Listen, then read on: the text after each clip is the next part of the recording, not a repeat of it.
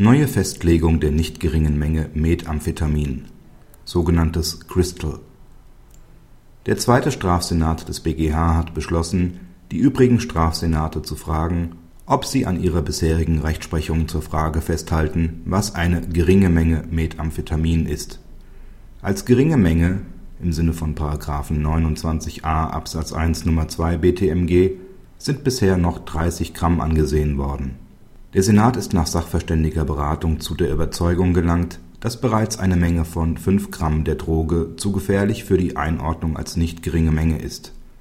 Das Landgericht Frankfurt am Main hat den Angeklagten, einen heute 43 Jahre alten philippinischen Staatsangehörigen, der seit 1998 in Deutschland lebt, wegen unerlaubter Einfuhr von Betäubungsmitteln in nicht geringer Menge in Tateinheit mit Handeltreiben mit Betäubungsmitteln in nicht geringer Menge in fünf Fällen, davon in zwei Fällen als Mitglied einer Bande handelnd, zu einer Gesamtfreiheitsstrafe von vier Jahren und drei Monaten verurteilt. Es hat zudem die Einziehung von knapp 22 Gramm sichergestellten Rauschgifts angeordnet. Der Senat hat in der Hauptverhandlung zwei toxikologische Sachverständige zu Fragen der Wirkung und Gefährlichkeit von Methamphetamin angehört. Unter Berücksichtigung der hierbei gewonnenen Ergebnisse beabsichtigt der Senat, den Grenzwert für eine nicht geringe Menge Methamphetamin auf 5 Gramm Methamphetaminbase oder umgerechnet ca. 6 Gramm Methamphetaminhydrochlorid festzulegen.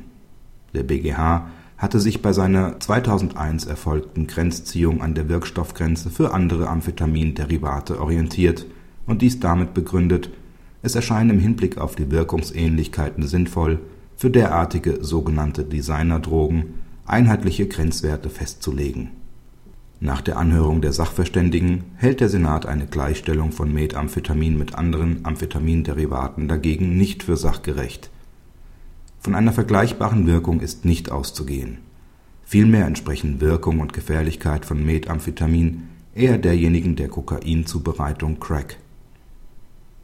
Zur Bestimmung der nicht geringen Menge geht der Senat von einer durchschnittlichen, für nicht gewohnte Konsumenten an der Grenze zu einer gesundheitsgefährdenden Dosis liegenden Konsumeinheit von 25 Milligramm Methamphetaminbase aus.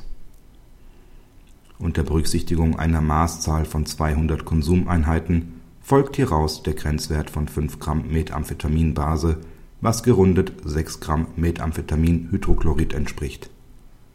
Der Zweite Strafsenat des BgH hat beschlossen, bei den anderen Strafsenaten anzufragen, ob sie an ihrer bisherigen Rechtsprechung zu dem Grenzwert der nicht geringen Menge bei Methamphetamin festhalten